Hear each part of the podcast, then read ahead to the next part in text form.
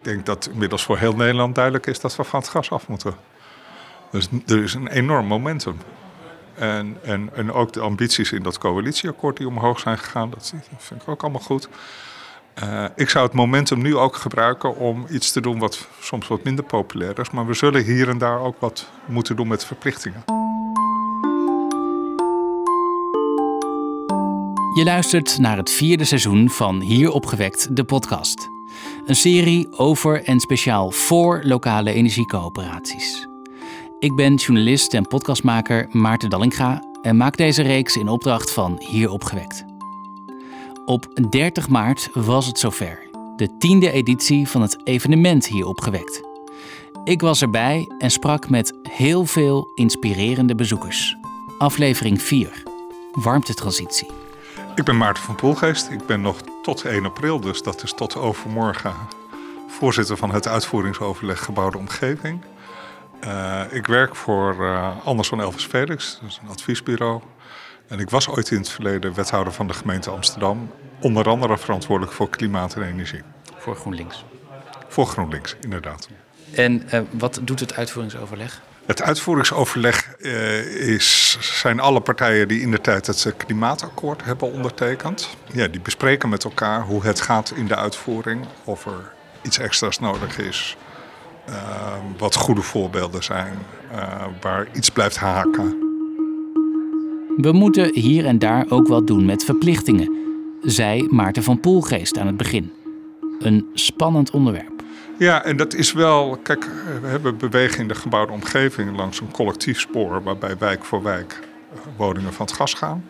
En langs een individueel spoor waarbij mensen alvast hun woning isoleren, een hybride warmtepomp nemen, vloerverwarming aanschaffen.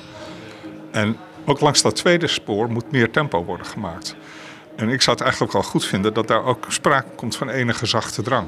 Dus zeg nou maar gewoon over drie jaar, als dan je cv-ketel stuk gaat, dan kan je alleen nog maar een hybride of een elektrische warmtepomp aanschaffen. Waarom niet? Dat wordt namelijk toch het nieuwe normaal. Dus... Ja, maar durven bestuurders dat? Ja, misschien nu wel. Ik zou het wel durven, maar... Ja. Nou, nou was ik... Makkelijk praten, misschien ik ben nu geen wethouder. Nou ja, ik ben van GroenLinks, hè, dus dan ja. vind je dat misschien iets sneller. Maar ik, ik, ik denk wel dat, dat de notie over dat we dit moeten doen, ook politiek nu heel breed gedeeld is. Hè. Iedereen, de, de discussie over wel of geen klimaatverandering is, die hebben we al lang achter ons liggen. En dat we van dat gas af moeten, dat weten we nu ook allemaal. Dus in die zin is er heel veel momentum. Maar hoe behoud je draagvlak uh, als je dat verplicht stelt dat je van het gas af moet, bijvoorbeeld? Nou ja, de katalysator uh, onder de auto is, is, er, is er ook gekomen door op een gegeven moment dat ding te verplichten. Dus ik denk, het zijn meerdere knoppen waaraan je draait. Hè. Je verleidt, je geeft subsidie. Je, uh, je Nou ja, je geeft ook bewonersinitiatieven ruimte, noem maar op. En in dat palet hoort ook iets van zachte drang. Het is niet het enige, maar het hoort er wel bij. Ja, Zo'n warmtepomp ja, is relatief duur, hè, als je het vergelijkt met de cv-ketel. Hoe uh, zorg je dan voor dat de, de sociale ongelijkheid niet toeneemt? Nou, kijk, op het moment dat je dit overigens gaat doen, daalt de prijs van zo'n uh, warmtepomp heel snel. Ja. Hè, want verzekerde afzet, dus dat helpt überhaupt. Ik denk dat mensen met lage inkomens gewoon uh, gecompenseerd moeten worden. Hè, dat is gewoon een verdelingsvraag. Uh, waar we bij een beetje moeten opletten. energie zal duurder zijn. Dat is een schaars product. We zijn in de jaren 50 vertroeteld met goedkoop gas. Uh, dat is eigenlijk niet normaal. Dat is, hè, dus het uh, normaal is dat energie duur is en schaars. Nou, en als mensen een laag inkomen hebben, dan moeten ze op die manier gecompenseerd worden. Dus dat moet gewoon in de sfeer van inkomen gebeuren. En ligt hier ook een taak voor de coöperaties? Dat zij misschien soms ook wel als medeburger iets strenger mogen zijn tegen hun eigen buren? Ja, dat weet ik niet helemaal. Maar ik vind wel, ja, je moet wel een reëel verhaal vertellen over. Uh, als we verantwoordelijkheid nemen, brengt dat ook verplichtingen met zich mee. En, en nou ja, kijken wie er wel en wie er niet kunnen investeren. Hè. Dus dat, dat is natuurlijk ook verschillend per, per, per burger. Maar ja, als je het geld hebt of zo, hè, dan vind ik ook wel dat je een verantwoordelijkheid daarin moet nemen. We hebben het dus over de warmtetransitie. Gemeenten hebben daarin, volgens het klimaatakkoord, de regierol. Ook staan er honderden bewonersinitiatieven klaar om een actieve rol te spelen wanneer hun wijk of dorp van het aardgas afgaat. Voor beide partijen is misschien wel de belangrijkste vraag hoe je ervoor zorgt dat uiteindelijk iedereen meedoet. Maarten van Poelgeest zei daar meer interessants over. Straks meer uit dat gesprek. Eerst naar Jannes Lancaster. Ik uh, ben coördinator van het netwerk Duurzame Dorpen. En we hebben een steunpunt in Friesland bij Dwarsburg. Dat is de koepel van dorpsbelangen. Het steunpunt helpt eigenlijk dorpen. En het zijn dus vooral duurzame dorpen. En dat zijn eigenlijk altijd initiatieven, vrijwilligers van bewoners. En duurzaamheid zien we altijd breed. En dat kan heel klein zijn, maar het kan ook uh, met z'n allen een zonnepark. Maar het kan ook een gezamenlijke boerderij zijn, een dorpstuin. Er zijn zo'n 350 Nederlandse dorpen bij het steunpunt aangesloten waarvan ongeveer 150 in Friesland. Ik help initiatief, maar ik zeg ook altijd practice what you preach. Dus ik heb zelf een boerderij gekocht, daar ben ik 15 jaar mee bezig geweest. Ik wou het eerst voor de gemeenschap samen met de gemeente doen. Nou, is niet gelukt. Dan heb ik het gelukkig uh, nou, na 10 jaar lang ploeteren zelf kunnen kopen. Het is een oude melkveehouderij en ik denk ook dat het een mooi voorbeeld is van wat kan je doen met een oude locatie. Er komen heel veel boeren vrij en hoe kan je dat dan verduurzamen. Dus ik heb het asbest eraf gehaald, ik heb zonnepanelen op het dak gelegd, ik heb een voedselbos aangelegd, ik heb een camping aangelegd en een winkel en dat betekent ook dat mensen op ons erf kunnen komen. En niet alleen toeristen, maar ook mensen uit de stad. En eh, dan hebben ze het even hartstikke leuk. En dan leren ze direct even wat over duurzaamheid. En dan zien ze de zonnepanelen. Hoeveel zonnepanelen heb je? Uh, 750. Zo. Nou, oh, ja, nou, de 749, want laatst met de storm is eentje stuk gegaan. Straks vertelt Johannes meer over zijn visie op de warmtetransitie. Nu eerst naar Lex Bosselaar. Ik werk bij het expertisecentrum Warmte, wat door de RVO wordt uitgevoerd. RVO is de Rijksdienst Ondernemend Nederland. Wij voeren programma's uit voor uh, ministeries van uh, met name economische zaken en uh, binnenlandse zaken. Op heel breed gebied op, van energie tot aan landbouw. En bij het expertisecentrum Warmte helpen we gemeenten met het maken van hun transitievisies. En nou, nu die klaar zijn, gaan we verder en helpen we de gemeente ook verder met de, uitvoeringsplannen. En dan komen natuurlijk ook de energiecoöperaties tegen die overal actief zijn. We hadden het er al even over. Het is niet de eerste keer hè, dat je hier bent bij het evenement hier opgewekt. Hetzelfde geldt voor mij. Dus je loopt al een tijdje mee. Kan je schetsen wat je in de loop der tijd voor ontwikkeling hebt gezien? Ja, dat is, uh, dat is wel heel leuk. Ik ben vooral met warmteprojecten bezig. En je ziet dat uh, nou ja, tien jaar geleden energiecorporaties alleen nog bezig waren met wind. En, en toen was zon nieuw en warmteprojecten. Dan hadden we een paar uh, hele wilde ideeën, zal ik maar zeggen. En elke keer zie je die, die warmtecorporaties groter worden en meer, en, maar ook vooral professionaliseren. Uh, en dat is een, een, aantal stappen die je hier heel, heel goed eigenlijk terugziet als je de jaren volgt. Uh, ja. Het onderdeel warmte in het programma is ook telkens groter geworden. Had je dat ook verwacht, die ontwikkeling, of, of verbaast het je? Nee, dat had ik wel verwacht. Uh, ja, zeker ook omdat het nodig is, maar ook omdat je ziet hoeveel druif er bij de energiecoöperaties zit. en ja, dat het tijd nodig heeft, dat had, ja, had ik ook wel verwacht. Dat, was ook met de windparken het, geval. Maar je ziet wel dat ze geleerd hebben van die trajecten. Dus dat is een, ja, een mooie stap. Maar je ziet ook dat de omgeving, hè, dus ook de, de warmtebedrijven, kijken serieuzer naar de energiecoöperaties. De gemeentes zien nu ook het belang daarvan. dus de, de hele positie is echt wel versterkt. Wat ook meehelpt, gemeenten krijgen er op termijn 800 miljoen euro bij om hun regierol te vervullen, vertelt Maarten van Poelgeest. Nou ja, dat bouwt op. Dus in 2025 is er voor uitvoeringscapaciteit 800 miljoen beschikbaar. En ik zou vinden, een deel daarvan zou eigenlijk misschien rechtstreeks juist naar bewonersinitiatieven moeten gaan. Maar een groot deel moet ook gewoon naar die gemeenten. Die hebben heel veel te doen. En eh, nou, je ziet nu bij een aantal koplopers, grote gemeenten, dat die inmiddels allemaal wel mensen in huis hebben die daarmee bezig zijn. Maar heel veel middelgrote en kleine gemeentes, die, die staan nog helemaal aan het begin. We zijn nu met 50, 60 wijken bezig als het gaat over, hè, over het spoor langs, uh, langs wijk aanpakken. Dat moeten er uiteindelijk 1200 worden. Dus dat besef over hoeveel meer er moet, dat is natuurlijk enorm. Dat is gewoon een factor 20. Hebt u de ambitie om opnieuw wethouder te worden ergens en hier dan werk van te maken? nee, nee, nee, nee. nee. Dus ik, eh, ik, ik heb heel veel plezier. Ben ik acht jaar wethouder geweest in Amsterdam. Uh, maar ja, dat, dat ligt op een gegeven moment ook weer achter je. die potgeld die er dan aankomt, die gemeentes zullen krijgen.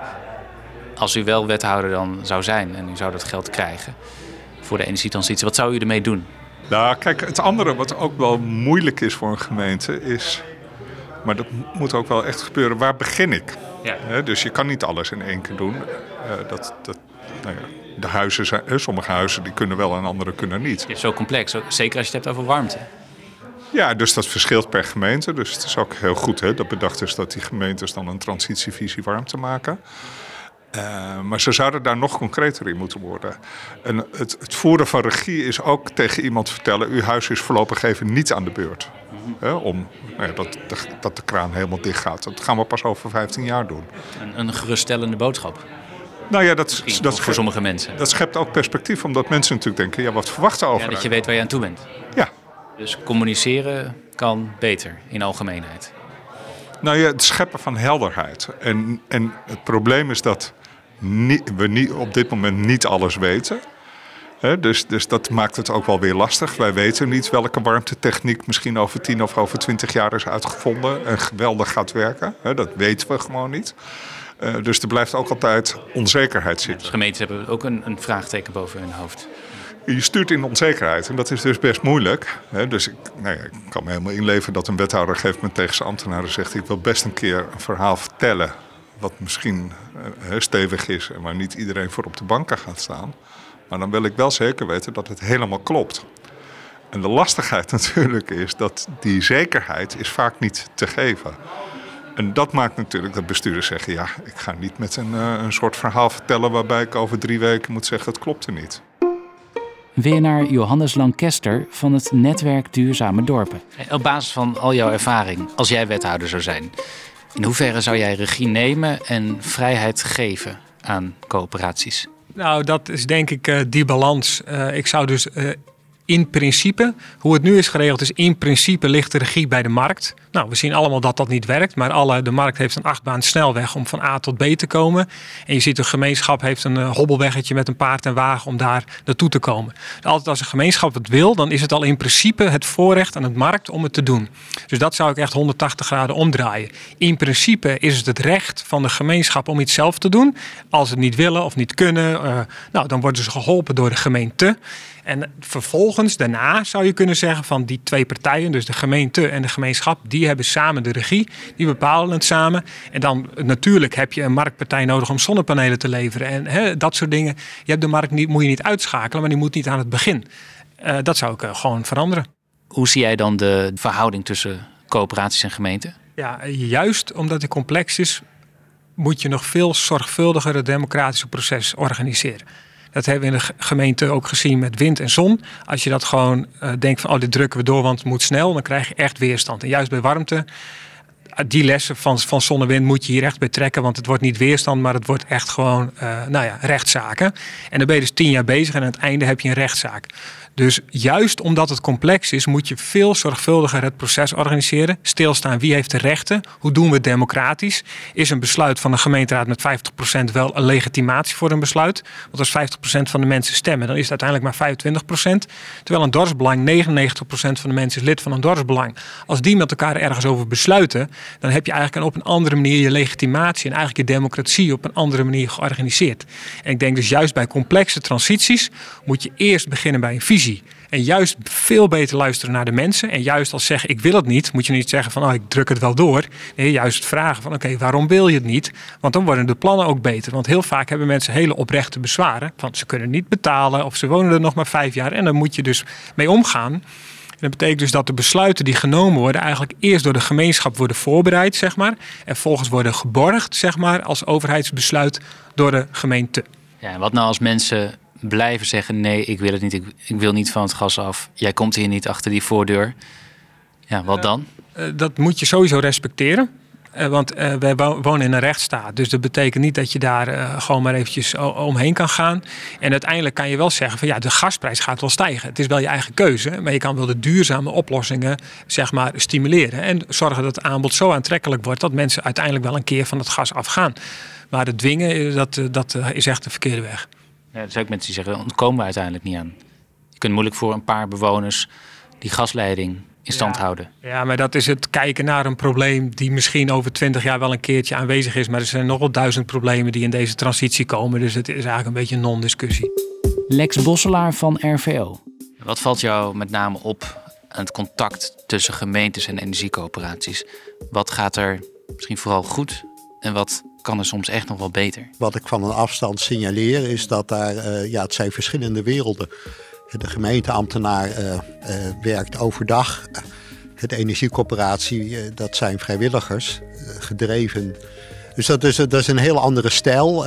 Ook andere, ja, er zitten mensen in die gepensioneerd zijn en daar alle tijd in kunnen stoppen. Er zitten mensen in die dat naast een baan en een gezin in een paar uur eh, doen. En dan een gemeenteambtenaar die daar dan ook wat tussendoor wil. Dus je, je ziet dat daar eh, eigenlijk gewoon wat cultuurverschil eh, is. En dat maakt het al, eh, al best lastig om, om met elkaar in, in, ja, in, goed te communiceren. Ja, wat dat betreft denk ik dat ook ja, de overheid duidelijk moet zijn van wat moet de gemeente. En, en ook daar de, de ruimte voor moeten geven. Ehm, en verder eh, ja, hangt die rol een, voor een deel vast aan eh, de omgevingswet die er nog niet is. Is, het is ook eh, nog een beetje zoeken. Eigenlijk kan je ook wel zeggen van, nou ja, de gemeente wilde graag die rol. Ze hebben hem gekregen, maar het Rijk heeft hem niet echt ingevuld. En eh, de, de tools eh, moeten nog ontwikkeld worden. Wat wij kunnen doen is de gemeente helpen met, eh, eh, met informatie. Hè, we hebben dus bij het expertisecentrum Warmte nou, een leidraad gemaakt hoe je een transitievisie maakt. We hebben allerlei factsheets over de technieken. Nou, dat is een heleboel basismateriaal wat gemeenten kunnen gebruiken. En dan naar Paul van Meekeren, net wethouder af in Purmerend. Hij had onder meer de energietransitie in zijn portefeuille. En, en je spreekt hier ook hè, vandaag. waar ga je het over hebben? Uh, in de sessie vanmiddag gaan we het hebben over van het gas gaan en of dat wel of niet verplicht zou moeten. Uh, en daarin zie je echt wel de, ja, de uitdagingen die we als samenleving hebben. Want zo makkelijk is dat niet van het gas afgaan. Zit je zelf nog op het gas? Nee, uh, ik woon in Purmerend. Purmerend is voor 75% al van het gas af omdat ze een duurzaam warmtenet hebben. En uh, mijn woning is nieuw genoeg dat die ook aangesloten is op dat duurzame net. Waar komt de warmte vandaan? De warmte komt van, voornamelijk van de biomassacentrale uh, in Purmerend vandaan. de biomassacentrale wordt gevoed trouwens door duurzaam snoeihout en niet door bomen die verbrand worden. Dat, moet ja, ik dat was mijn vervolgvraag. Hoe duurzaam is het nou echt, hè? Ja. Nou, die is echt wel duurzaam, maar het blijft een transitiebrandstof. Ik geloof voor in de toekomst niet in biomassa. Uh, we gaan, we is het stadsverwarmingsbedrijf Purmerend, is al bezig met het onderzoeken naar de mogelijkheden van geothermie. Nou lopen jullie dus voorop, zou je kunnen zeggen, in Purmerend. Wat zou je andere gemeentes aanraden wat dit betreft? Dat is best lastig. Als Purmerend waren we afhankelijk niet gezegend met een warmtenetwerk. Dat werd vervloekt door best wel veel mensen. Totdat we een biomassacentrale kregen en, en he, het klimaat voor de nodige uitdagingen zorgde. Uh, en nu de situatie met de Oekraïne en de stijgende gasprijzen. Uh, is het heel fijn als je al een warmtenetwerk hebt. Uh, de oplossing voor iedere gemeente is zo verschillend dat de tip is om vooral niet te focussen op één oplossing. Kijk goed wat geschikt is voor jouw dorp of stad. Die andere oud-wethouder, Maarten van Poelgeest. Hij vertelt over de soms moeizame relatie tussen gemeenten en lokale energiecoöperaties. En hoe dat vooruitgang in de weg kan zitten. Nou ja, gemeenten die zijn natuurlijk. Het verschilt ook wel een beetje, maar vanuit hun aard willen ze het zelf regelen. Meestal vanuit goede bedoelingen. Ehm, maar ja, dat geeft soms frictie. En dan gaan mensen zich verzetten. En die zeggen, hoezo? En nou ja, dat moet je natuurlijk voorkomen. Mm-hmm. Tegelijkertijd hoor ik, zijn er ook wel gemeentes die zeggen... Ah, mooi, doen jullie het maar. Hoeven wij er niet te veel uh, aandacht aan te besteden. Nee, dat, is, dat, dat gebeurt ook. En dat is natuurlijk ook te makkelijk. Als je dan nu luistert naar deze podcast en je bent van een lokale coöperatie... Hoe, hoe kan je dan je het beste opstellen richting een gemeente? Wat, wat, wat kan je dan bijvoorbeeld vragen of eisen misschien wel? Ja, ik weet niet of je iets moet vragen of eisen, maar ik, ik zal altijd een aanbod doen. Nee, ik ben zelf ook voorzitter geweest van een uh, lokale energiecoöperatie, Amsterdam Energie. En, en volgens mij moet je, hè, mensen die, ja, die daarin actief zijn, die, uh, die willen iets. uh, dus dus ik, ik, ik, zal altijd een beetje proberen de gemeente te verleiden door een aantrekkelijk aanbod neer te leggen. wel op jouw condities. Maar natuurlijk wel een aantrekkelijk aanbod. Hè, waardoor ze bijna eigenlijk geen nee kunnen zeggen. Ja, en jij kent dus beide kanten. Ja. Je, je, hebt gemeentelijke ervaring en uh, ervaring bij een coöperatie. Wat is dan wijs? Wat, wat, wat moet er dan zeker wel of zeker niet in zo'n aanbod zitten? Nou ja, kijk, wat ik, wat ik lastig vond was, wij deden het ook een beetje als vrijwilligers. met goede bedoelingen. Ik denk dat er een hele grote potentie was. Maar je merkt op een gegeven moment dat het moeilijk gaat. Om, om, om, ja, omdat het je ook gewoon aan de middelen ontbreekt. Om het op een wat meer professionele manier te doen. Dus, dus in mijn aanbod zal altijd iets zitten van, nou, als je wil dat wij aan de gang gaan, wat dingen gaan ondernemen, dan moet je ons ook een beetje helpen eh, met wat geld om het ook te kunnen organiseren. En dat wordt misschien straks wat makkelijker. Dat hoop ik wel, maar ik denk dat, ja, dat klinkt heel, heel plat, maar, maar ja, het, dus het, het mooie is dat mensen in hun vrije tijd hier achteraan gaan. Tegelijkertijd hè, kan dat ook op een gegeven moment te zwakt worden. En nou ja, dat, daar moeten we echt iets op bedenken. Wat zou kunnen helpen, denkt Lex Bosselaar van RVO, is werken volgens een soort handleiding. Van nou ja, we, we kunnen het op drie manieren doen, maar niet op honderd manieren. En, en, daar zullen er wel lokaal wat uh, nuances liggen, maar dat geeft wel wat houvast. Oh ja, van, uh, ik, als wij dit doen, moeten we daaraan denken. En, uh, en dat geldt voor beide partijen. Dat, dat helpt om ja, je rol te zoeken en, en niet op, elke keer het wiel opnieuw uit te vinden. Nee, dus een soort samenwerkingshandleiding, ja. opties daarin. Zoiets zou denk ik wel, wel kunnen helpen. en met voldoende vrijheid om. Dat is natuurlijk zo, ja, het is een lokaal initiatief. Daar zit een lokaal karakter aan. Ja, dat moet ook blijven.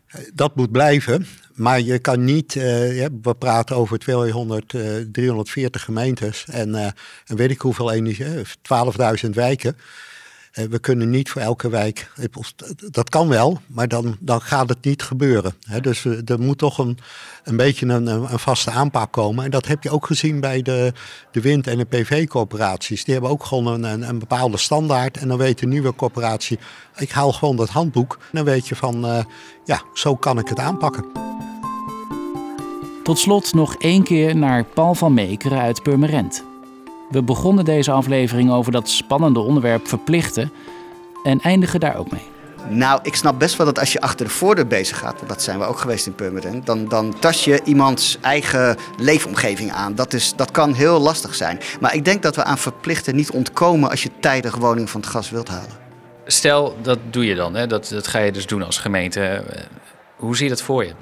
Je moet dat gezamenlijk doen. Je moet een soort pact hebben met alle, uh, alle partijen. Uh, je moet het niet politiek maken, want dan kan gezegd worden, dan kan gedacht worden de inwoners van kijk, die partij die wil dat we verplicht van het gas afgaan. En dan krijg je ook ontzettend gekleurde verkiezingen. Terwijl dit een onderwerp is wat volgens mij iets is wat iedereen uh, aangaat en wat je niet moet verpolitiseren. Maar is dat te voorkomen, politiek maken? Alles is politiek in die zin. En alles zal ook politiek moeten zijn, want dat, dat is de democratie. Um, maar als we met elkaar met argumenten en, en, en blijven uh, zeg maar benaderen. En alles ook gewoon rationeel doen. Uh, en niet te veel in de emotie hangen. Dan denk ik dat je een heel eind komt. Maar zeg je dan het begint met het creëren van uh, breed politiek draagvlak. Dat mensen niet kunnen zeggen. Ja dat zijn die linkse rakkers van D66 of GroenLinks natuurlijk. Ja. Maar wij gaan demonstreren. Ja, maar niet alleen breed politiek draagvlak. Uh, ik denk ook dat je, dat je de, de, de initiatieven van onderuit, en dit, dit uh, evenement vandaag is daar een heel goed voorbeeld van, uh, juist die lokale initiatieven zijn ontzettend belangrijk. Want wat van eh, onderop opkomt, is veel krachtiger en blijft langer hangen dan dat je als gemeente iets oplegt.